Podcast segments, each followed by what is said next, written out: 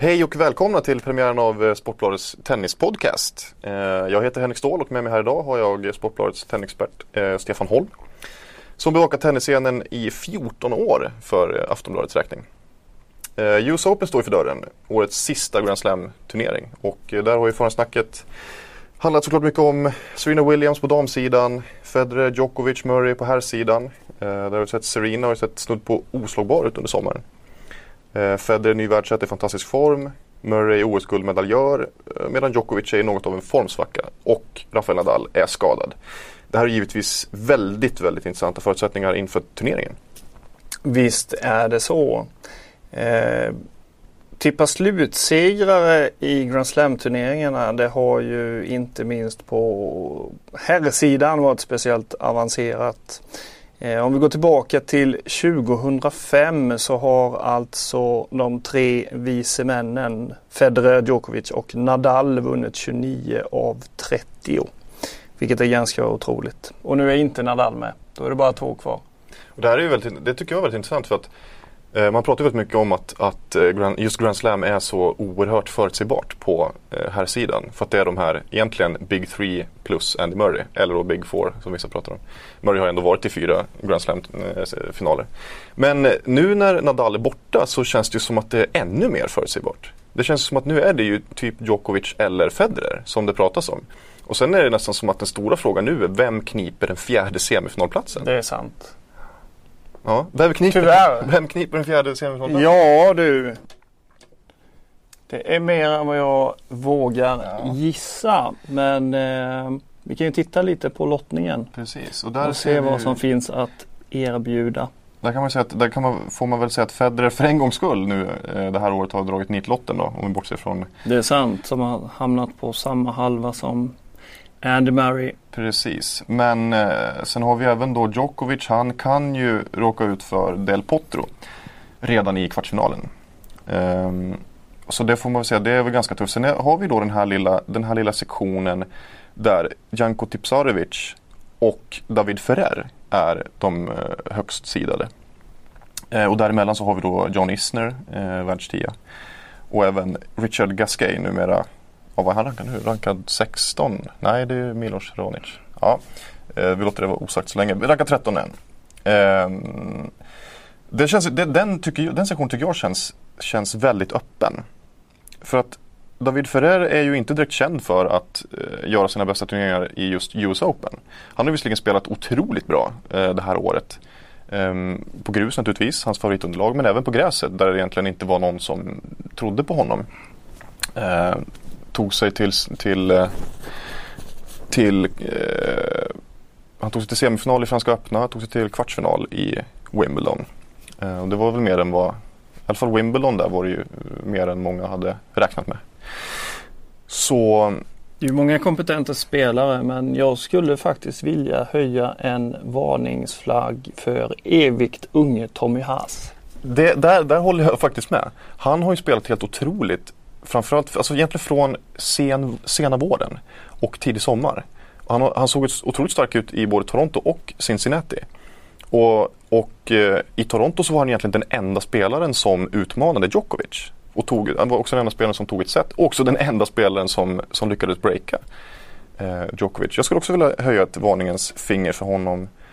Eh, sen tror jag i och för sig att det, det kan bli svårt för, för honom i, just i femsetsmatcher, alltså när man tar sig en bit in och man som hänger med kvar in i andra veckan, så då, då kan det bli väldigt tungt för, för de här lite äldre spelarna framförallt och, så här, och Tommy Haas som haft väldigt mycket skadebekymmer genom åren.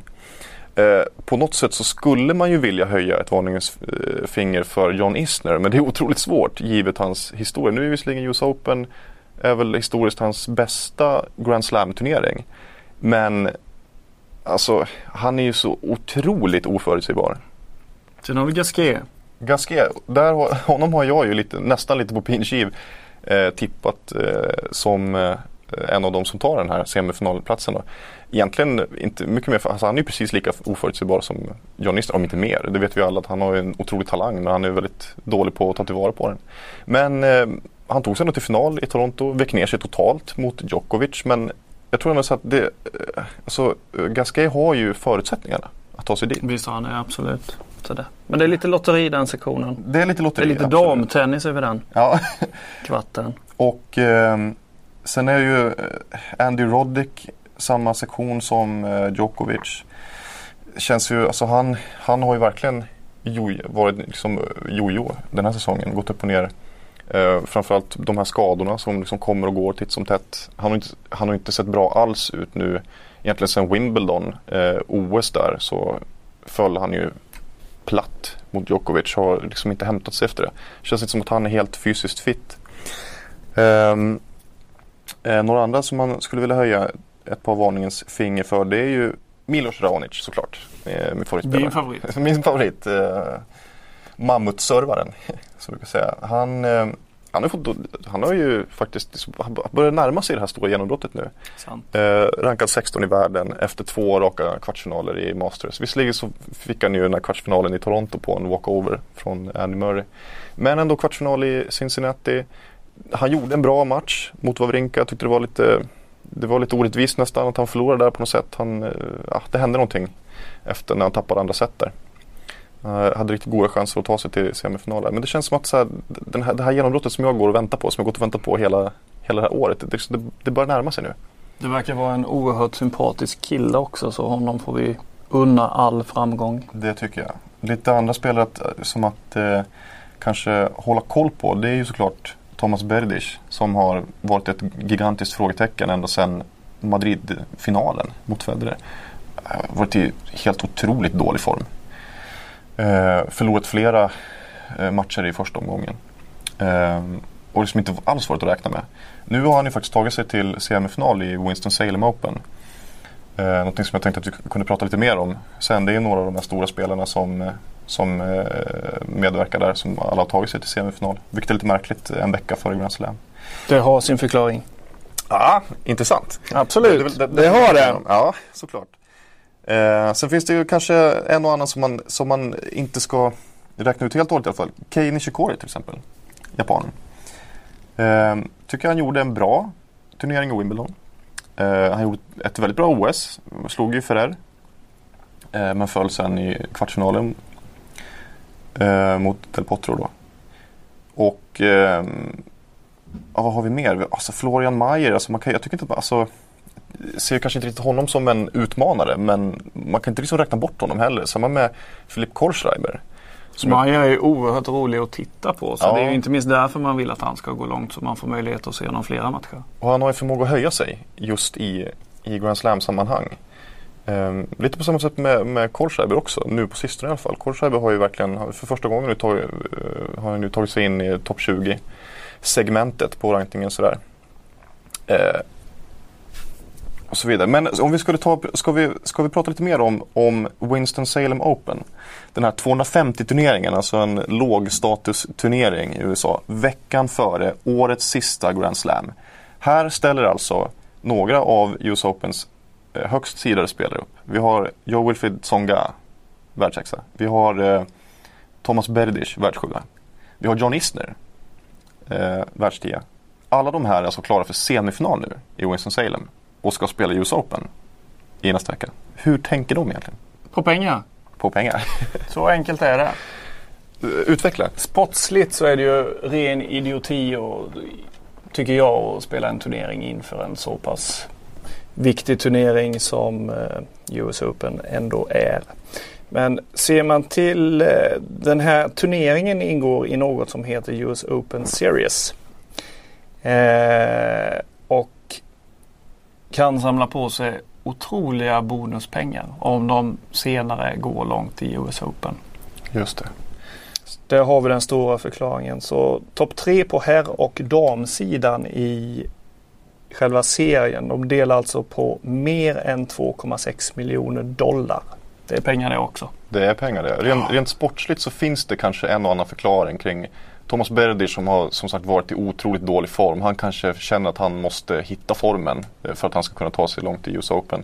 John Isner som var, blev skadad i Cincinnati. Dessutom så ser han, han har väl sagt i något sammanhang att han ser Winston-Salem som någon slags hemmaturnering. Liksom att, han är ju titelförsvarare också. Eh, vi har ju då Tsonga som råkade ut för den här otroligt märkliga skadan i Toronto där han eh, vandrade in i en, en brandpost var det. Fick se åtta stygn. så att eh, det är klart, så han missade ju Cincinnati då. Eh, det är klart det kan ju vara så att han också känner att han behöver att han behöver hitta matchformen. Men, men personligen tycker jag väl att man, att man borde ägna den tiden åt att förbereda sig för US Open. Ja, visst är det så. Även om man i US Open har tid att, att träna mellan matcherna eftersom det bara är spel varannan dag för Precis. spelarna. Framförallt för att, för att hitta den, den mentala formen. Mm. Men det handlar om så otroligt mycket pengar i de här sammanhangen. Vi kan backa mm. bandet till 2007 där segraren av US Open Series hette Roger Federer och han vann även US Open. Det betyder att han kunde kvittera ut en bonus utöver prispengarna på en miljon dollar. Vilket innebär att hans seger blev värd närmare 20 miljoner kronor. Det är pengar det också. Det är pengar det också. Så om Djokovic och Lina som i denna stund toppar US Open Series också skulle vinna US Open så kommer de tjäna 24 miljoner kronor. Det är, det är inte dåligt. Och nu tror jag ju faktiskt att Djokovic vinner US Open. Djokovic har ju, det, det är ju någonting som har hänt med Djokovic. Eh, man får man kanske inte, får slänga in lite brasklappar här. Djokovic, det, det, visste väl alla att han inte kunde upprepa sin magiska säsong eh, 2011. Men det kommer ingen han, göra. Nej, det kommer ingen göra förmodligen någonsin. Eh, men att han ändå gick ut och, och pekade ut Franska öppna och OS som sina prioriterade turneringar. Det var ändå ett ställningstagande på något vis att han pekade ut dem. Han tog sig till final i Franska öppna men förlorade. Eh, och i OS så, han såg ju rätt stark ut tycker jag. Fram till egentligen den här, den här otroligt märkliga matchen mot Andy Murray där han föll i raka set. Eh, och sen så bara var det bara totalt loj i bronsmatchen. Och efter det så tycker jag liksom inte att han har, han har inte sett ut att vara den här, den här starka, stabila Djokovic. Alltså, så som jag ser Djokovic, egentligen både förra säsongen och den här säsongen. Det är ju det som jag imponeras av. Det är ju hans otroliga mentala styrka. Han kan gå ut och göra ett skitdåligt första set. Kanske till och med ett dåligt andra set förlorar två set. Och sen så bara liksom, han är, han är så mentalt stabil så att han tar hem det i alla fall. Han, eh, han tror, eller han vet att han ändå kan vinna. Precis som mot eh, Sepp, Andreas Seppi i Franska öppna. Förlorade två set. Det har ju varit så, oj gud, världens skräll på gång. Men han liksom bara samlade ihop sig och bara, men det här är inga problem. Och det sa han också efteråt. Jag trodde att jag kunde vinna så jag vann. Lite så. Det här känns ju som att det här är en del hos Djokovic som har försvunnit. Eh, det tycker jag framförallt att vi såg i Cincinnati-finalen mot Federer. Där såg man ju verkligen, jag såg verkligen fram emot en alldeles episk final.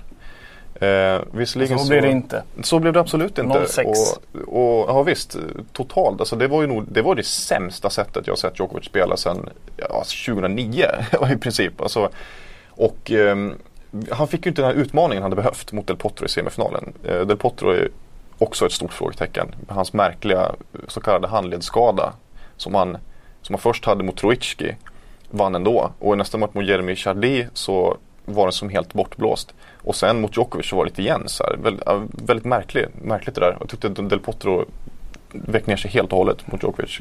Som var knappt en fight egentligen.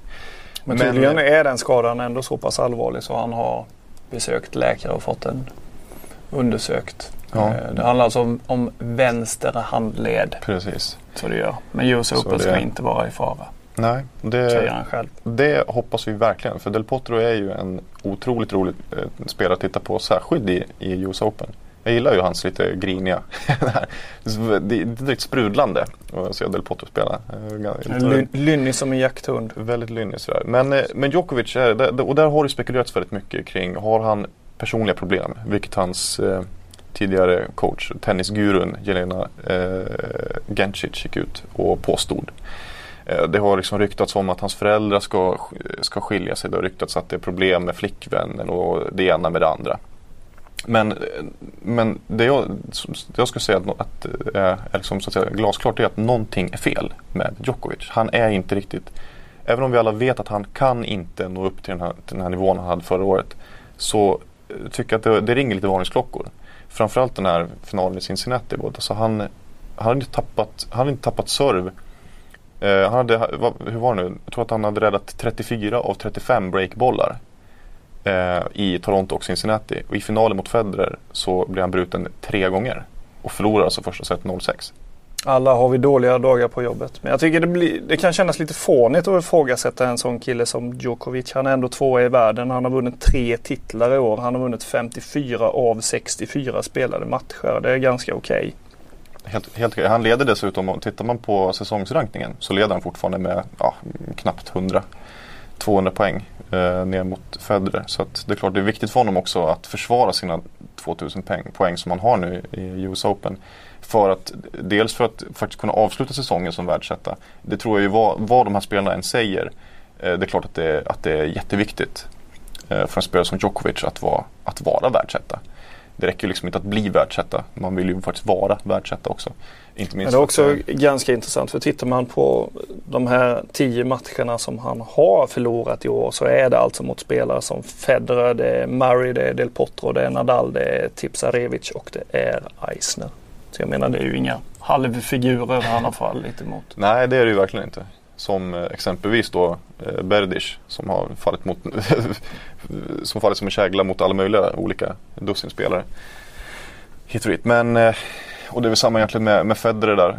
Om man räknar in Andy Roddick så är det väl också egentligen de tre stora som han har förlorat mot. Det känns ju lite grann som att US Open är Federers och Djokovic eh, turnering. Så? På här sidan. Jag har svårt. Nu, nu lyfter visserligen Mats Wilander och Goran Ivanisevic fram Andy Murray som US Open-vinnare. Jag har lite svårt att se honom som Visserligen så, jag tycker det var väldigt kul att han vann OS. Eh, jag tycker att det var ett stort genombrott för honom för att nu har han visat att han faktiskt kan vinna de stora turneringarna. Men jag tror inte nödvändigtvis att det betyder att han, att han eh, kommer vinna en Grand Slam inom det närmaste året. Det kanske, han kanske gör det under 2013, han kanske gör det under 2014. US Open 2012 tror jag inte blir hans första Grand Slam-titel. Jag tror att han mycket väl kan vinna. Eh, jag tror att det blir som så att den som vinner den tänkta semifinalen mellan Federer och Andy Murray tar hem, tar hem titeln. Ja, så kan det mycket väl vara. Och på andra sidan står en viss Djokovic. Och på en, på en helt annan sida, där har vi då dam, på damsidan. Där har vi en, en helt annan. Det är egentligen bara en stjärna det snackas om. Mycket. Visst är det så? och det är Serena Williams av inte helt oförklarliga skäl. Efter den här totala, eh, totala fiaskot i Franska öppna. Hon förlorade i första omgången. Så har ju hon faktiskt sett snudd på oslagbar ut. Hon vann i Wimbledon, hon sopade ju liksom rent hus. Förutom, okej okay, hon, hon eh, ja, höll på att slarva bort lite grann där mot Radwanska i finalen. Men OS likadant. Eh, nu förlorade hon ju visserligen eh, matchen i Cincinnati var det mot Angelique Kerber. Mycket intressant spelare, Kerber tycker jag. Mycket intressant. Hon är också väldigt nära sitt riktigt, riktigt stora genombrott. Eh, jag ser henne som en potentiell finalist möjligtvis. Men att inte tippa Williams som, som eh, stor favorit att vinna US Open, det är ju snudd på tjänstefel. Det är sant. Så är det Finns det någon som verkligen kan utmana henne? Maria Sharapova är magsjuk. Eller matförgiftad snarare. Azarenka har haft lite skador sådär nyligen. Vem, vem ska fälla Williams? Alltså damtennisen har sett ut och de senaste åren och det har ju varit så otroligt mycket skrällar. Så jag måste säga det, vinner inte Serena Williams så sticker jag ut hakan och säger att då blir det någon utav de 123 andra. ja. Det känns lite så. Ja, ja men... Även om det är, det är lätt att, att nämna Lina och Wozniacki och Azarenka Kvitova och så vidare. Precis. Jag skulle också vilja nämna Kerber i en, så, en sån diskussion. Det är helt okej. Okay. Ja, men lite för att alltså, som sagt hon börjar närma sig sitt stora genombrott. Um, och det är ju det, det är faktiskt bara ett litet steg till hon behöver ta. Och det är det, man märker det att i finalerna så ja, hon blir nervös. Liksom. Men kommer hon bara över det, får, hittar hon den här, den här mentala styrkan i de viktigaste, viktigaste lägena så är hon en, en livsfarlig spelare. Radvanska kan man inte heller räkna bort. Även om alltså hon är väl en av de mest defensiva spelarna på mm. damtouren idag. Eh, väldigt effektivt. Eh, en väldigt effektiv sådan eh, defensiv specialist. Men hon har ju visat att hon faktiskt med sitt enorma försvar kan utmana de här, de här egentligen eh, sluggarna, liksom, brunkarna som ju Williams är. Hon har ett ganska svårgenomträngligt försvar. Lite på samma sätt som David Ferrer på här sidan. Han har inte heller de här tunga vapnen som de, de andra topp, de här riktigt stora stjärnorna har. Men han har ett otroligt bra försvar. Svårt att tränga igenom. Eh, Andy Murray är likadan. Även om han har lite tyngre offensiva vapen om man säger så. Men där kan man ju, skulle man även kunna nämna en person som Samantha Stosher som vann förra året. Absolut. Williams. Man skulle kunna nämna, faktiskt nämna Kim Kleisters också. Som ju har flaggat för att det här blir hennes sista US Open. För att hon planerar, då, planerar att lägga av efter US Open. Ser vi, vad ser vi för andra spelare som kan tänkas lägga racketen på hyllan efter, efter det här årets US Open?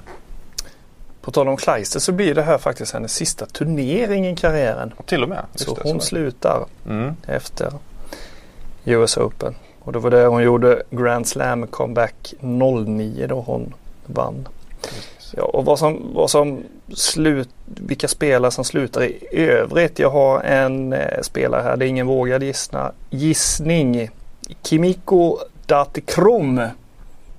Denna 80-talsstjärna. Ja. Hon fyller 42 i höst och hon börjar bli så gammal så hade hon bott i Sverige så hade hon snart varit berättigad till ATP-poäng. Mm. det, ja, det är precis. Sen har vi ju då lite också på, om man ser till här sidan då.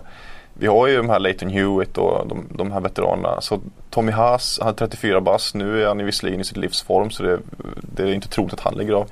Han har, redan, Roddick. han har redan klargjort att han kommer fortsätta. Ja, det var inte Tommy.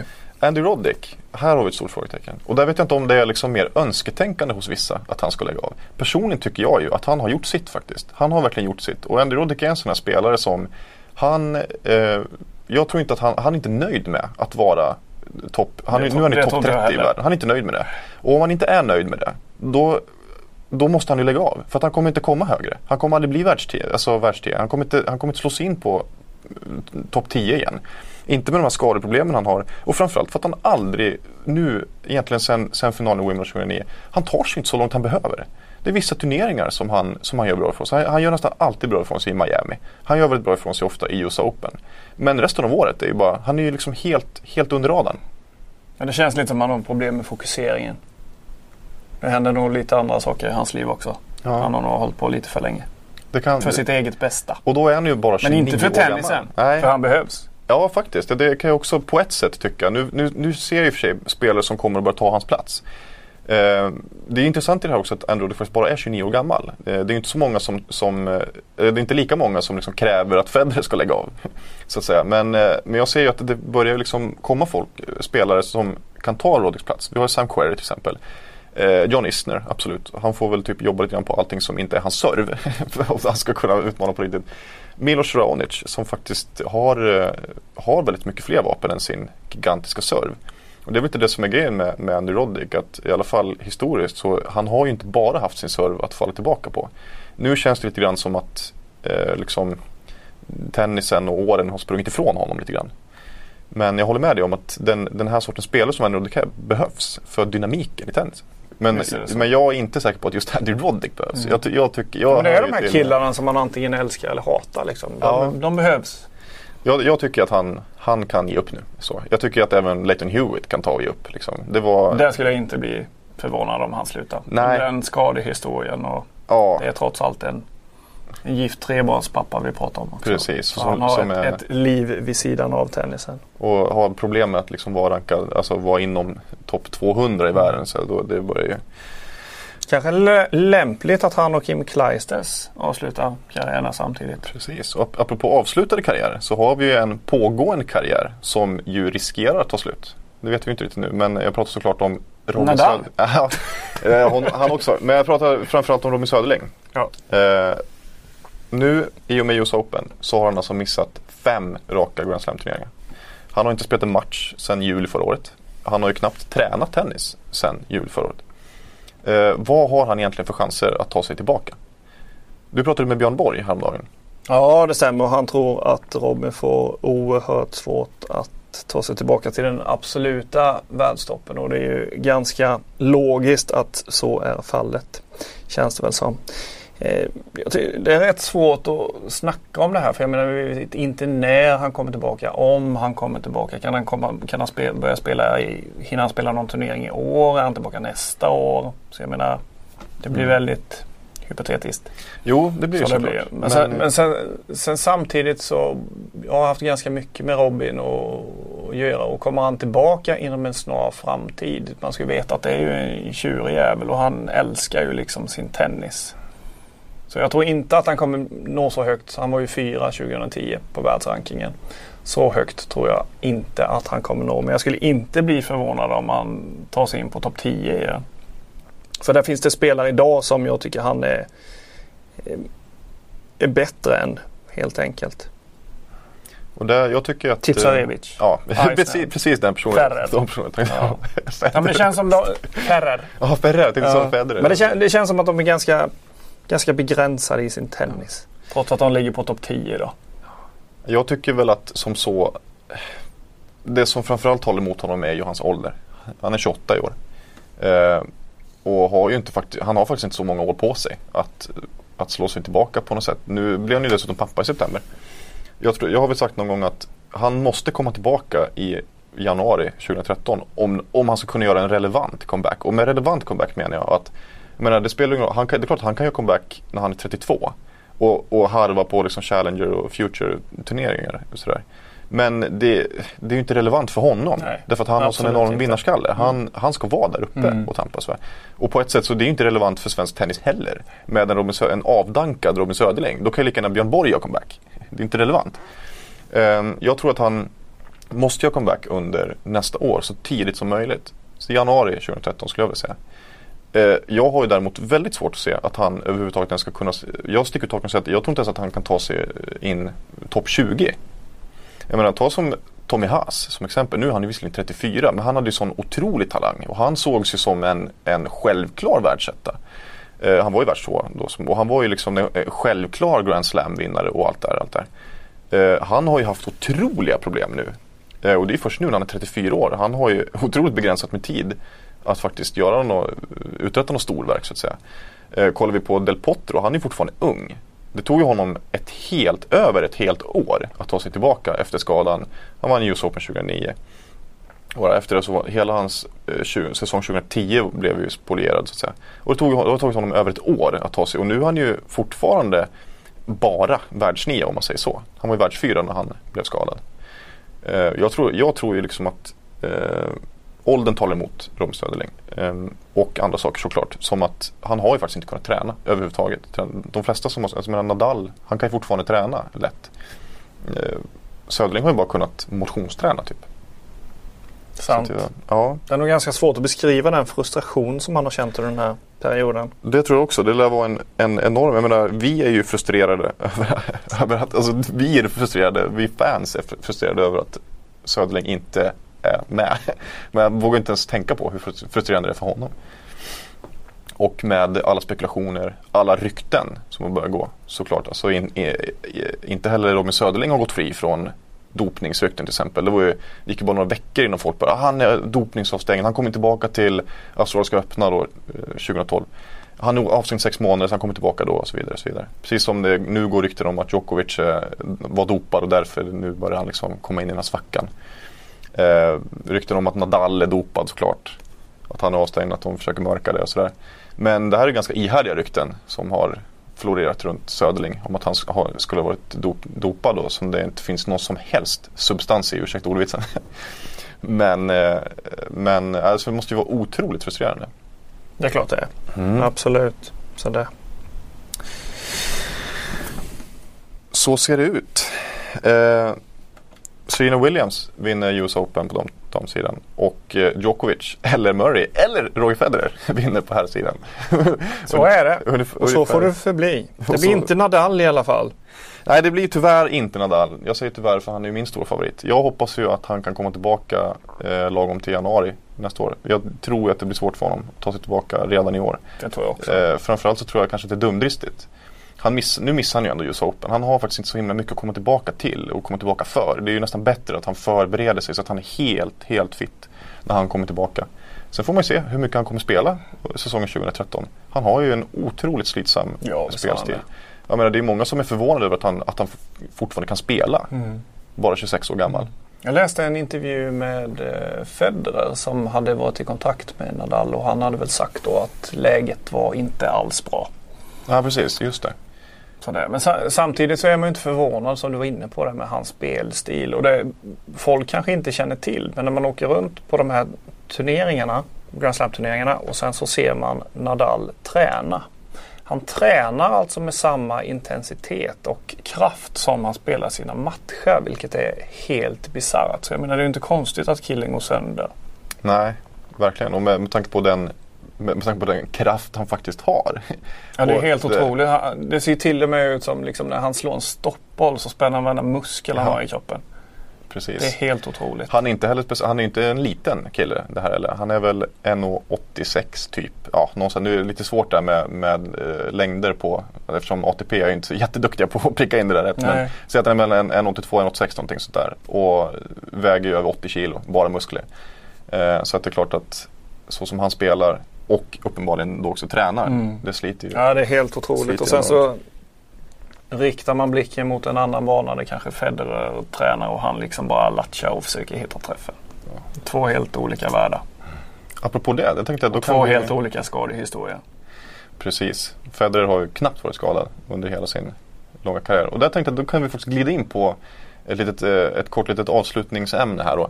Och det är just Federer. Federer som nu då äntligen blev världsetta igen och slår Pete Sampras gamla rekord. Eh, vunnit sin sjunde Wimbledon, sin sjuttonde Grand Slam. Eh, spelar US Open igen, han har spelat sex finaler, vunnit fem raka. Eh, och eh, har, har, alltså kan då vinna sin 18 Grand Slam och eh, sin sjätte US Open. När tänker Roger Federer sluta spela? Aldrig hoppas jag. Jag har ju spekulerat, jag har haft en teori. Jag hade en teori om att Roger Federer, att det här var hans sista säsong. Att, han, att, snarare så att han planerar sin sista säsong. Eh, och det grundade jag egentligen, på att han eh, jag tror att så grundteorin byggde, bygger väl lite grann på att, eh, att om Federer inte kan vara i toppen så vill inte han spela tennis. Så är det. Eh, speciellt med tanke på att han också är en familjefar så att säga. Har lite andra prioriteringar han med. Han har, han, under flera gånger i, under vårsäsongen så klagade han på att han fick spela så många kvällsmatcher. Och det, att han klagade på det berodde på att han tyckte att han fick för lite tid med sin familj. Så det, det tyder på lite andra prioriteringar hos honom. Och det är också vissa andra tennisexperter, eh, amerikanska, som varit inne på att det här kanske är så att säga hans svanesång på något sätt. Så att nu gör han en sista magisk säsong och sen lägger han av när han är på absolut topp. Eh, Jag skulle inte ha någonting emot det egentligen. För jag, ty- jag, jag tycker att det, jag gillar konceptet att sluta på topp. Jag är inte förtjust i att se gamla Det kommer, idoler. han, det kommer Federer göra. Det har Ja. han sagt vid flera tillfällen. Att, Men frågan är, jag tror, jag tror inte längre att den säsongen är den här säsongen. För jag tror att kan han spela så här himla bra. Eh, Nadal är skadad liksom. Eh, han har visat att han kan slå Djokovic igen. Så att säga. Och, att, och han är, han, eh, att han kan bli världsetta, att han kan fortsätta vara världsetta. Då tror jag nog att ja, men då kan han nog förlänga den ett år till. Och se om man kanske kan plocka på sig lite fler Grand Slam-titlar. Han kanske kommer upp 20 och sådär. Men, eh, men jag tror ju att eh, kontentan av det av, som är ändå att Federer, vi, kommer inte, vi måste förbereda oss på att vi inte kommer få se Federer så länge till. Jag tror inte att han kommer spela när han är 35 och vara rankad 27. Liksom. Det kan inte Federer vara nöjd med. Och det, OS i Rio. OS i Rio, det där tror jag är bullshit. Så han, alltså- så han får sin titel. Nej. Det enda han saknar. Han, han, Federer får nöja sig med sin dubbeltitel med Wawrinka för 2008. Han kommer inte vinna OS för han kommer inte spela 2016. Det där säger han bara. Så är det. Det måste vi kunna enas om. um, otroligt intressant. I alla fall, eh, US Open kan ju såklart följa på Aftonbladet. Kan följa på bloggar.aftonbladet slash tennisbloggen. Ehm, och ehm, ja, det var allt för den här gången. Vi säger tack. Vi säger tack, hörs igen snart.